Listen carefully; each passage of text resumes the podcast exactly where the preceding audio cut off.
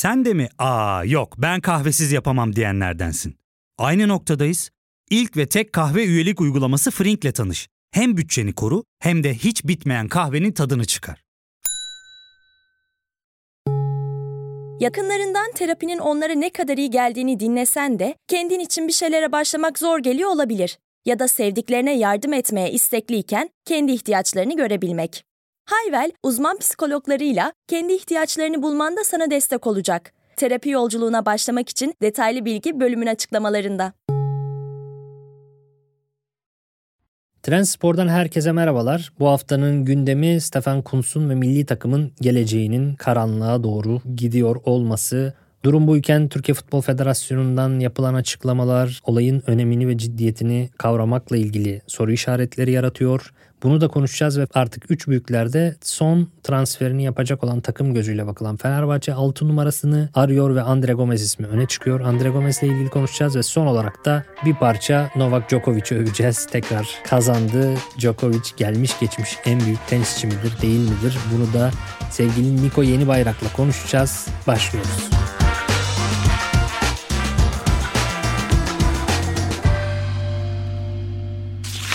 Şimdi Stefan Kuntz'la ilgili, milli takımla ilgili çok fazla işte Japonya maçını, Ermenistan maçını çok konuşmak istemiyorum. Ermenistan'a karşı kendi sahamızda 1-1 berabere kaldık ve Japonya'ya karşı da 4-2 mağlup olduk. 4 gol yedik. 4 gol dışında adamların 2 tane topu da direkten döndü. Kötü bir milli takım vardı ve Kuntz'un da önünde gelen başka problemler de var. Mesela oyuncu yetiştirememekle ilgili bir sol bekimizin olmaması, santrforların hepsinin çok genç olması. Ya oyuncu yetiştirmekle ilgili problemlerimiz var. Oyuncu havuzumuz daralıyor. İşler kötü gidiyor ve burada işlerin kötü gitmesinin ana sebeplerinden bir tanesi de tabii ki teknik direktör ve Kuntz'la ilgili de eleştiriler artıyor. Şimdi Kuntz'la ilgili bu eleştiriler gelirken doğal olarak bazı yorumlar da görüyorum. İşte Kudüs kendisi de basın toplantısında açıkladı. Sadece 5 mağlubiyetim var dedi. 20. maçına çıktı. 20 maçta Japonya maçı ile birlikte 20. oynandı ve 5 mağlubiyet aldım dedi. Ve işte puan ortalaması da 1.95 ile milli takım tarihinin en yüksek ikinci puan ortalaması gibi söylemler var. Ve Kuntz'un aslında o kadar başarısız olmadığına dair yorumlarda bulunuyor insanlar. Öncelikle ben bunun biraz kandırma olduğunu düşünüyorum. Bir pembe masala benziyor. Şöyle Evet Kuntz 20 maçta 5 mağlubiyet aldı. Sadece 1.95'te milli takım için yüksek bir puan ortalaması. Fakat bu 20 maça tek tek bakmadan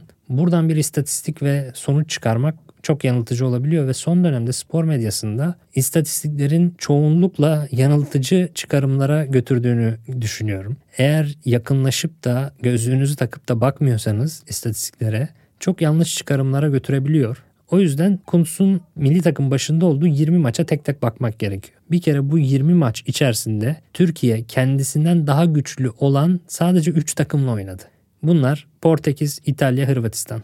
Üçünü de kaybetti. Portekiz'e 3-1 kaybetti. İtalya'ya kendi sahasında hazırlık maçında 2-3 kaybetti ve Hırvatistan'a da yine kendi sahasında 2-0 kaybetti Türkiye. Yani kendisinden güçlü herhangi bir takıma karşı herhangi bir şekilde diş geçiremedi. Kendisine yakın takımlarla oynadığı maçlara da bakıyoruz. Japonya'ya 4-2 yenildi. Norveç'le ilk maçlarından biriydi Kuntz'un 1-1 berabere kalındı. Ve Galler'e karşı da 2-0'lık bir galibiyet var. Fakat Galler'in de çok ciddi bir düşüşte olduğunu bu dönemde söylememiz lazım. Ayrıca hazırlık maçlarında Çek Cumhuriyeti ve İskoçya ile oynadık. Bu iki hazırlık maçında 2-1 kazandık. Hazırlık maçı olduğu için çok ölçü değiller tabii ama Çek Cumhuriyeti ve İskoçya'nın da bize denk yakın takımlar olduğunu düşünürsek fena sonuçlar değil ama Japonya, Norveç, Bunlarda da istediğimiz sonuçları çok alamadık. Yani kendimize denk takımlara da aşağı yukarı denk sonuçlar aldık gibi gözüküyor. Geri kalan 13 maçın tamamı kendimizden çok daha zayıf takımlarla oynanmış maçlardı ve buna rağmen içeride Ermenistan'ı yenemedik. Faroe Adalarına deplasmanda 2-1 mağlup olduk. Lüksemburg'la 3-3 berabere kaldık. Yani çok daha zayıf rakiplere karşı kaybettiğimiz de var. Ve bunlar dışında Letonya'yı bir kez 90 artı 9'da Burak'ın penaltısıyla 2-1 geçebildik. Yine başka bir Letonya maçını da geçtiğimiz Haziran'da İrfan Can Kahveci'nin 90 artı 5'teki golüyle 3-2 yenebildik. Yani orada da iki kez Letonya'ya yine puan kaybedebilirdik ki Letonya'da bizden çok daha zayıf bir takım ki Ermenistan'a karşı da mağlubiyeti 88'de Bertuğ'un attığı golle kurtardık son olarak.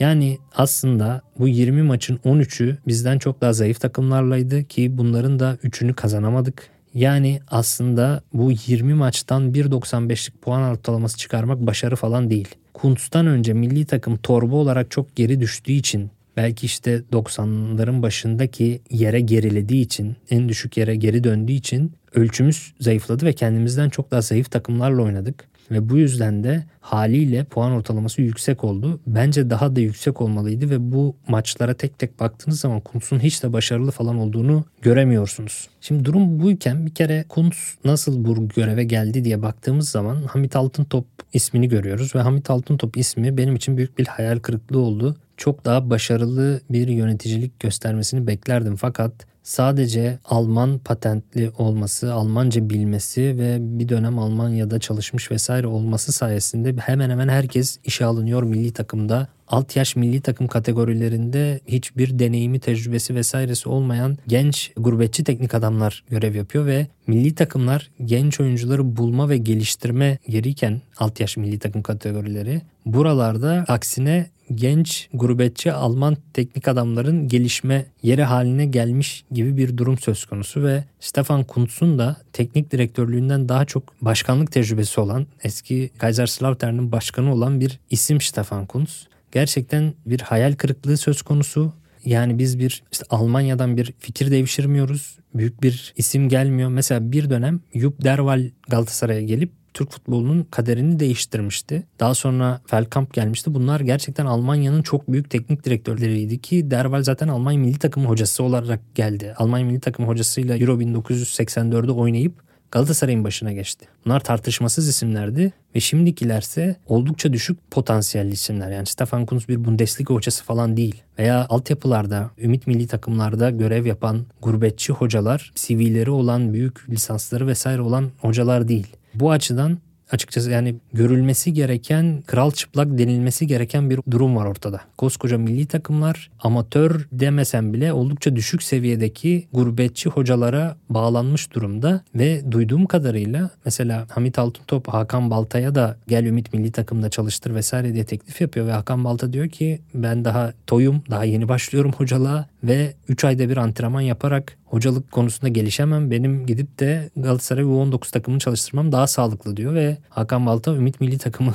reddedip Galatasaray U19 takımının başına geçiyor. Yani burada gerçekten daha temelden büyük bir problem var Türk milli takımı ile ilgili. Ve tüm bunlar olurken Mehmet Büyükekşi'nin bir açıklamasını gördüm. Diyor ki bizim çocuklar mottosunu değiştireceğiz. Yeni bir motto arayışımız var.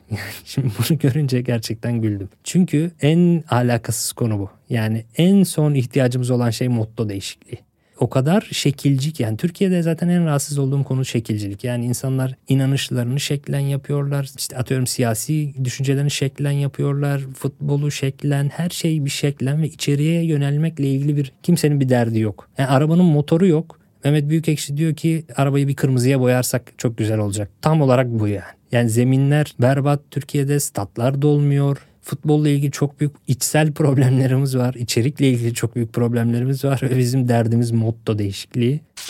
Bunun dışında milli arada bir gündem daha oldu tabii. Kuntz ve milli takım konusu dışında ve TFF bir anket açtı. Ankette de insanlara şunu soruyorlar. Türkiye'nin Süper Lig'in futbol liglerinin statüsünü, fikstürünü vesaire değiştirelim mi diye bir anket açtılar. Türk futbol severlere soruyorlar ve ankette Belçika sisteminden faydalanıldığını söylüyorlar. Belçika'da sistem şöyle. Normal sezon devam ediyor. Normal sezondan sonra bir de playoff oynanıyor. Bunu biliyorsunuz zaten 2011-12 sezonlarında deneyimlemiştik şike sürecinden sonraki bir sezonda. Normal sezon bu sefer anlamsızlaşabiliyor. Playoff'a bir şekilde kendini atmak daha önemli hale gelebiliyor ve normal sezonun son 8-10 maçı daha önemsiz hale gelebiliyor çünkü puanlar bölünüyor vesaire. Yani çok derbi oynatmakla ilgili bir anket bu ankette işte Belçika gibi olalım mı diye soruluyor insanlara ve olmasını isteyeceğimiz düşünülüyor. Çünkü çok derbi oynanırsa insanlar da bundan çok keyif alır, çok heyecanlı olur. Büyükler birbiriyle maç oynasın diye düşünülüyor. Şimdi orada bence yine şekilcilikle ilgili yine zeminler berbat durumda. Yine oyuncular yetişmiyor, kalite yok, altyapı tesisleri yetersiz. Stat ışıklandırmaları yüzünden yarıda kesilen altyapı maçları falan oynanıyor. Ben geçen Milli Arada Bayrampaşa stadında bir maç izledim. ikincilik maçı. Bayrampaşa stadı tamamen güneş gören bir stat. Her tarafı güneş görüyor. Ona rağmen zemin olağanüstü derecede kötüydü. Yani eski 80'lerden kalma falandı ki bu TFF ikincilik. Yani çok öyle amatörlük falan değil. Üçüncülük bile değil yani. İkincilik seviyesinde bile zeminler berbat ki full güneş alabilen bir stadın zemini bile berbat. Ki bu Süper Lig'de bile böyle şeyler var, zeminler var. Bunları düzeltmiyorken yani arabanın motoru yokken yok işte rengini değiştirelim, yok lastiklerini değiştirelim falan demek tam olarak işte bu şekilcilikten geliyor. Ve benim açıkçası o anketteki önerim şuydu. Çok derbi oynamaktansa takım sayısını 16'ya 14'e düşürmek. Hatta bence bize daha uygun bir model varsa İskoçya modeli. Yani illa hem derbide falan da oynanacaksa 10 takımlı lige düşürün. Toplam 38 maç. 10 takım bol bol da derbide oynanır. O sayede görmek istiyorsanız. Ligdeki takım kalitesi yani en üst seviyedeki 3 büyüklerin 4 büyüklerin kalitesiyle Anadolu takım kaliteleri birbirine yakınlaşsın. Dört büyükler biraz puan kaybedebilsin. 88 puan topladı geçen sene Galatasaray. 14 maç üst üste kazandı. Üçüncü olan Beşiktaş'ta bir Trabzon beraberliği var. O olmasa onlar da 14 maçlık seri yakalıyor. Yani bugün mesela Galatasaray milli aradan önce son Gaziantep deplasmanını koskoca Gaziantep deplasmanında Galatasaray %50'siyle falan oynayıp fark atıyordu. Yani üç büyükler artık kendisini sıkmasa bile çok rahat galibiyetler alabilmeye başladı ve bu da makası açıyor. Makas açıldıkça da kulüpler arasındaki güç dengesizliği, izlenirliği düşürüyor. Çünkü sürpriz ihtimali azalıyor. Bu güç dengesini tekrar yaratmak için bence 16 takıma, 14 takıma, 10 takıma düşmek ve zayıfla güçlü arasındaki farkı azaltmak o çekişmeyi tekrar geri getirebilir diye de düşünüyorum. Ama bunlar onun yerine tam tersine tabii siyasi baskılardan da dolayı işte Kayseri'de kalsın, Rize'de kalsın, bilmem ne şehirde de kalsın diye 20 takımlı ligler yapıyorlar. İlk 4 ile son 4 arasında dağlar kadar fark oluyor. Sanki 2-3 lig fark varmış gibi bir fark oluyor. O da yarışmacılığı düşürüyor bence yapılması gereken takım sayısını düşürmek açıkçası. Ama dediğim gibi yani motor yokken arabanın rengini tartışıyoruz. Konu o. Bu arada milli takım demişken Japonya'da 4-2 kazandı. Japonya bizden önce de Almanya'yı 4-1 yenmişti ve Almanya'da Hans Flick görevinden alındı. Almanya futbol tarihinde ilk kez Hans Flick'in başına geldi bu. Görevinden alındı bir teknik direktör. Almanlar özellikle 21. yüzyıla gelene kadar minimum sayıda teknik direktör geçirmişti. 1922'den başlayarak Alman milli takım hocalığında çok uzun yıllar görev yapan isimler vardı. İşte bunlardan bir tanesi de Derval ve hep yardımcı hoca kendisinden sonra görev alıyor. İşte 10 sene 20 sene neyse Alman milli takım hocalığını devam ettiriyor ve onun yardımcısı da onu alıyordu. Burada Almanya'da bile bir değişimden söz edebiliriz. Sözü gelmişken önermek için söylüyorum. Jupp Derwal'in Alman futbolunu ve o dönemleri anlatan bir kitabı var. Futbol basit bir oyun değildir adında. Bize yansıması olan çakma Alman futbol mantalitesi değil de gerçek Alman futbol mantalitesine meraklıysanız Jupp Derwal'in Futbol Basit Bir Oyun Değildir adlı kitabını da sizlere öneriyorum. Çok keyifli, çok okunması gereken bir kitaptı kendisi. Burada bölüme küçük bir ara verelim. Döndüğümüzde devam edeceğiz. Ya fark ettin mi? Biz en çok kahveye para harcıyoruz. Yok abi, bundan sonra günde bir. Aa, sen Frink kullanmıyor musun? Nasıl yani? Yani kahvenden kısmına gerek yok. Frink'e üye olursan aylık sadece 1200 TL'ye istediğin çeşit kahveyi istediğin kadar içebilirsin. Günlük 40 TL'ye sınırsız kahve mi yani? Çok iyiymiş. Aynen. Hatta şu anda 200 TL'lik bir indirim kodu da var. E hadi hemen indirip üye ol da bu fırsatı kaçırma. Terapiye başlamak, içinden çıkamadığın döngüleri kırmak, bazı yanlış bulduğun kararlarını değiştirmek ve kendinle beraber daha huzurlu bir yaşam inşa etmek için atabileceğin en değerli adımlardan biri. Hayvel ile yoğun yaşam tempona uyum sağlayarak online terapi seanslarını takvimine göre ayarlayabilirsin. Bini aşkın uzmandan sana en uygun terapisti seçebilir, podb10 koduyla indirimden yararlanabilirsin. Detaylı bilgi açıklamalardaki bağlantıda. Şimdi geçelim Fenerbahçe'ye. Bu bölümde Galatasaray ve Beşiktaş konuşmayacağız. Çünkü Galatasaray ve Beşiktaş zaten transferi kapattı gibi bir şey. Son 1-2 günde belki genç potansiyelli transfer falan yaparlar. Fırsat transferi düşerse onları yaparlar ama Fenerbahçe hala ilk 11'ine bir transfer yapmak istiyor ve o transferde 6 numara transferi. 6 numara transferiyle ilgili uzun süredir Fenerbahçe bir fırsat düşmesini bekliyor. Geçen hafta da konuşmuştuk. Geçen sezonki Icardi transferi bence burada işleri biraz değiştirdi. Icardi transferinin yaptığı etki geçen sezon bekleyelim transfer sezonu kapansın ve sonra yıldız isimler beklediğimizden daha uyguna düşebiliyor gibi bir fikir yarattı ve hem Galatasaray 8 numarasını bekletti hem de Fenerbahçe 6 numarasını bekletti. Fakat bu sefer geçen seneki gibi olmadı. Hem Galatasaray istediği 8 numarayı düşüremedi hem de Fenerbahçe istediği 6 numarayı düşüremedi. Geçtiğimiz günlerde Ali Koç'un bir açıklaması oldu. Onu dinleyelim. Yani bize iyi, sağlam, gerçek bir 6 numara lazım. Defansif bir 6 numara lazım. Bakalım ne göreceğiz. Şimdi Ali Koç diyor ki sağlam bir 6 numara. Savunması sağlam, defansif bir 6 numara. Fakat son olarak son günlerde yoğun bir şekilde ismi geçen Andre Gomez ise tam tersi bir oyun kurucu 6 numara. Geçmişteki Fenerbahçeli 6-8 numaralardan birine benzetecek olursak belki biraz Christian Baroni tarzında diyebiliriz. Yani sert, agresif vesaire değil. Aslında boyu uzun ama öyle çok sert oynamayı seven bir 6 numara değil. Hatta Gomez Nisan ayında The Athletic'e bir röportaj veriyor. 6 numara oynamaktan keyif almadığını belirtiyor bu röportajda. Editör arkadaşlarımız çıkardı sağ olsun. Güzel bir detay var burada. Diyor ki Lille'de iki merkez oynuyoruz fakat özgürlüğümüz var. Yer değiştirebiliyoruz. Derine gelip oyun kurarken ileri de çıkıp rahat olabiliyorum diyor. Sahanın her yerinde olabilme özgürlüğüyle iki yönlü oynarken diğerlerini oynatırken gerçekten eğleniyorum. O kadar hoşlanmadığım pozisyon ise 6 numara. Topla oynarken harika ama defansif olarak sahanın genişliğinde sürekli kaymaları yapmayı sevmiyorum presi tercih ederim diyor. Yani presli oyun öne gitmek güzel ama pozisyon tutmak çileli kısmı savunmanın kaymalar yapmak enlemesine özellikle hem ciddi bir atletizm gerektiriyor, çabukluk gerektiren bir şey hem de dinamizm gerektiriyor. Fakat Andre Gomez 2019 yılında Tottenham'ın son tarafından çok sert bir faale maruz kalmıştı ve ayağı kırılmıştı. Artık tabi 30-31 yaşına da geliyor Andre Gomez ve o ağır sakatlığın da ardından sonuç 4 yılda fiziksel olarak da haliyle bir düşüş yaşıyor. Ve artık o hammallığı yapacak oyuncu da değil. Andre Gomez tam olarak Ali Koç'un tarif ettiği defansif sağlam 6 numaranın tezatındaki oyuncu. Yani tam bir oyun kurucu 6 numara ve son ben de Fransa'da oynadığı son maçlarını izledim biraz. Gerçekten iki ayağını kullanması oldukça iyi uzun ve çapraz topları oldukça iyi, sakin, oyun kuruculuğu, oyun zekası oldukça iyi bir oyuncu. Aslında Galatasaray'daki Sergio Oliveira'ya benziyor vatandaşı. Oliveira ondan bir yaş daha büyük. Andre Gomez ama hem kariyer olarak Barcelona görmüşlüğü olsun hem boy avantajı olsun hem de biraz da 6 numaraya daha yatkın oynayan bir oyuncu ama tarz olarak işte yumuşaklık olsun, çok agresif oynamamak olsun, Andre Gomez'in boyu uzun olmasına rağmen mesela hava toplarına öyle sert çıkmamak vesaire gibi konular olsun. Biraz benzer tipte oyuncular.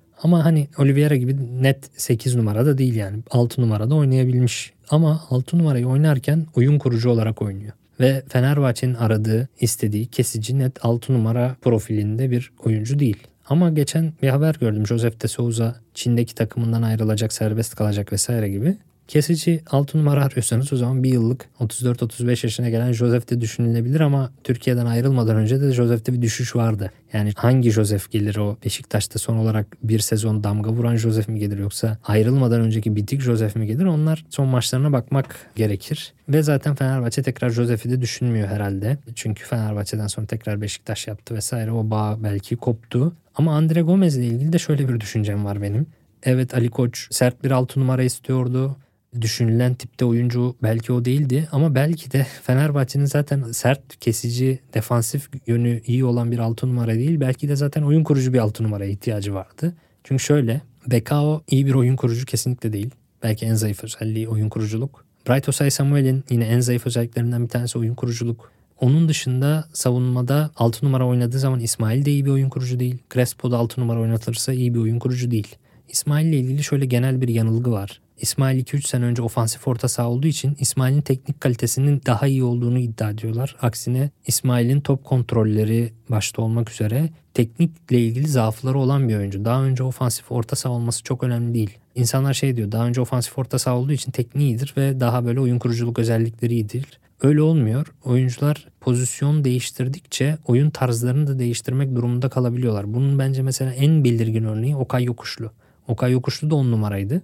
Uzun yıllar on numaraydı genç yaşlarında. Sonradan 8, 6 en son stopere kadar evrilmişti. ama 6'da kaldı ve o kadar kesici bir 6 numara ki yani aksine stoperden evrilmiş 6 numara olmuş gibi görüyorsunuz. Tam bir kesici, teknik melekeleri çok zayıflamış bir 6 numara. Aslında 10'du. Senelerce 10 numara oynadı ve teknikti de.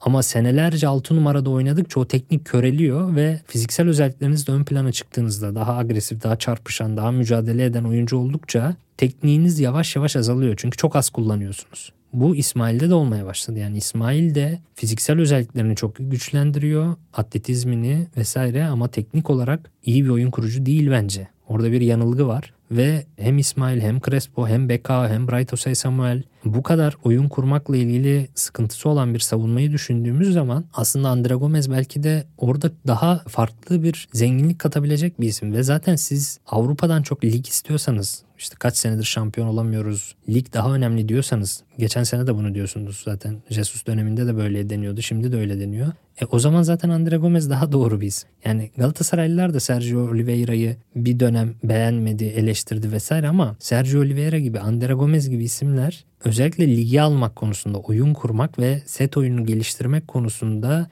sizi belli bir eşiğe taşıyan oyuncular. Ve belki de Andre Gomez transferi bu açıdan Fenerbahçe'nin istemeye istemeye doğru yaptığı bir iş haline gelebilir. Ama dediğim gibi ben geçen seneki son maçlarını izledim. Bu sene daha resmi maçı yok ve Eylül'ün ortasına geldik. Nasıl bir yaz kampı geçirdi bilmiyorum. Tek düşmüş olabilir. Fiziksel olarak zaten atletizmi oldukça düşük, sertliği düşük bir oyuncu. Ama oyun görüşü, iki ayağını kullanma, oyun kurma kabiliyetleri de oldukça yüksek bir oyuncu.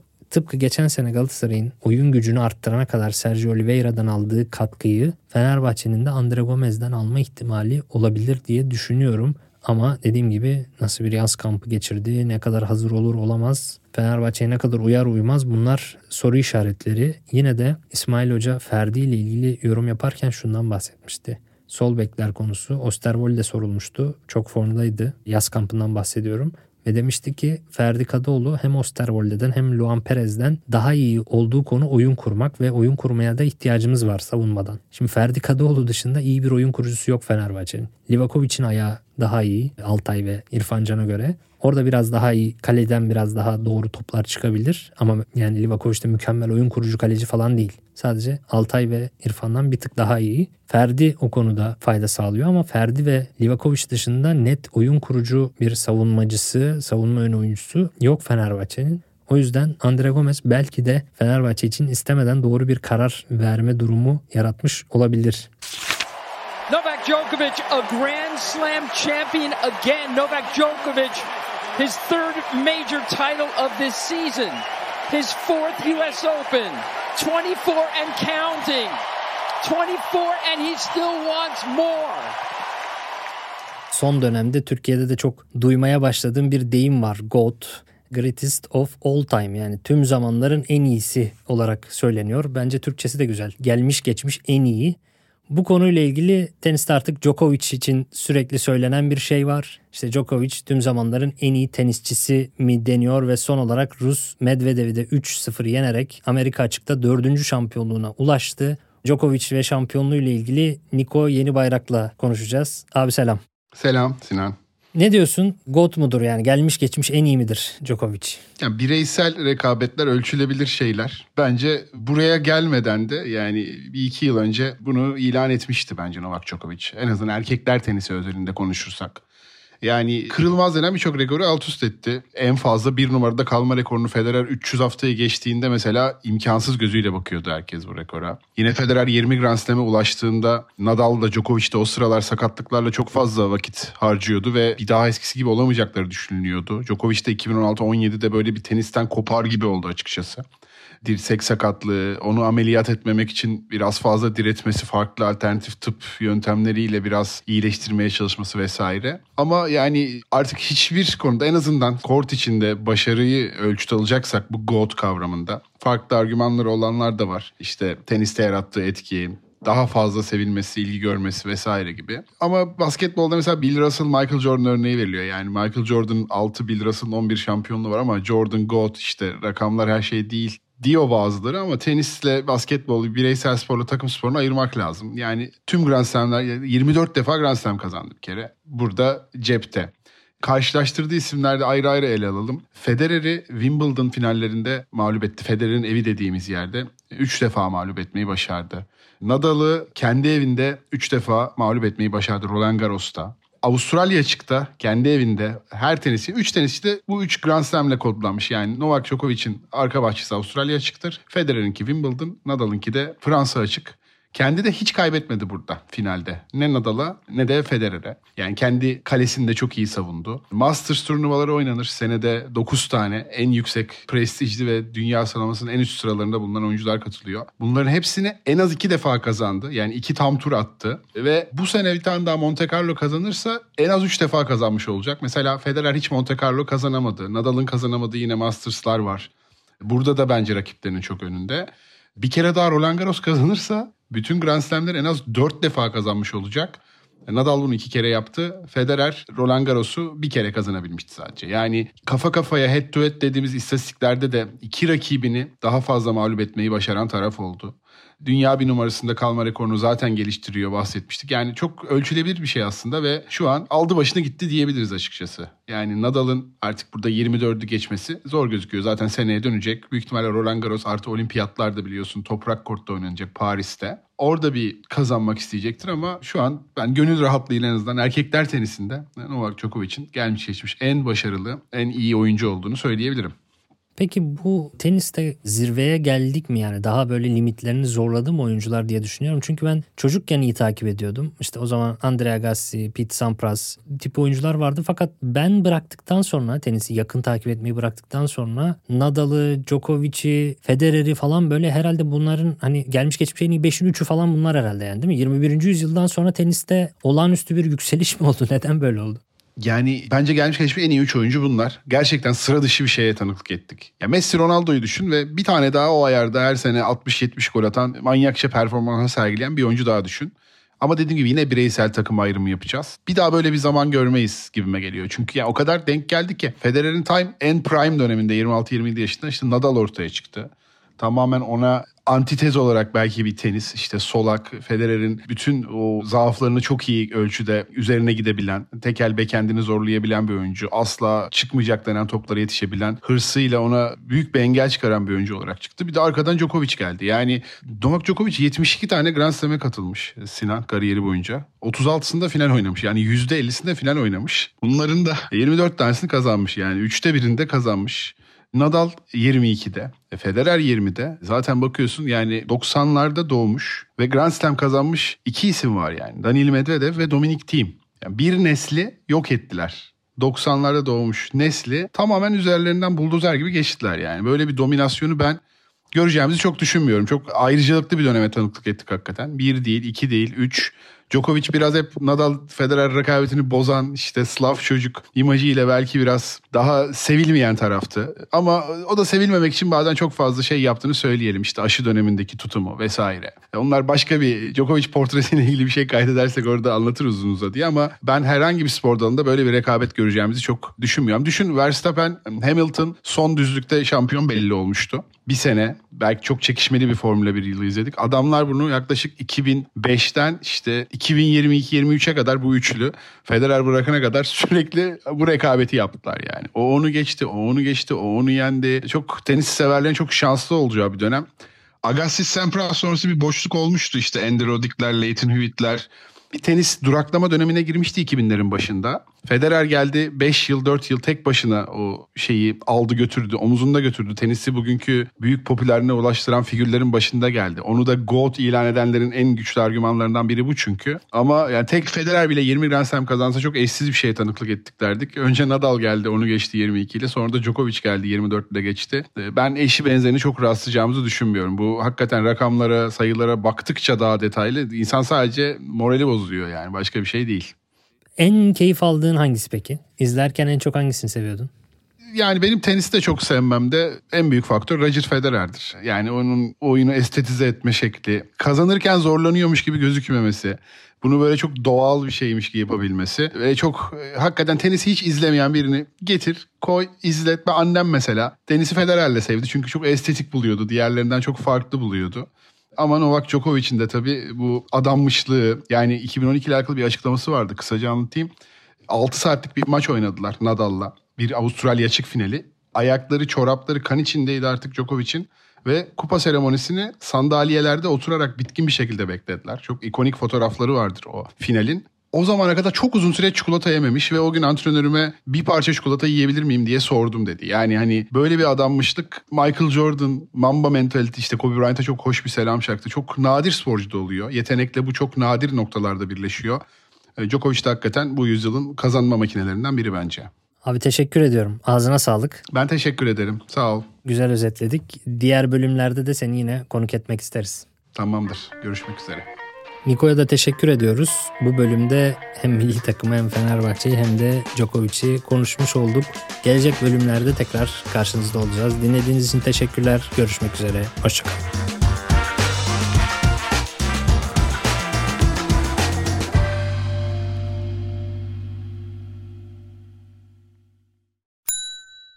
İlk ve tek kahve üyelik uygulaması Frink, 46 ildeki 500'den fazla noktada seni bekliyor. Açıklamadaki kodu girerek sana özel 200 TL'lik indirimden faydalanmayı unutma. Hadi sen de Frink üyeliğini başlat, kahven hiç bitmesin.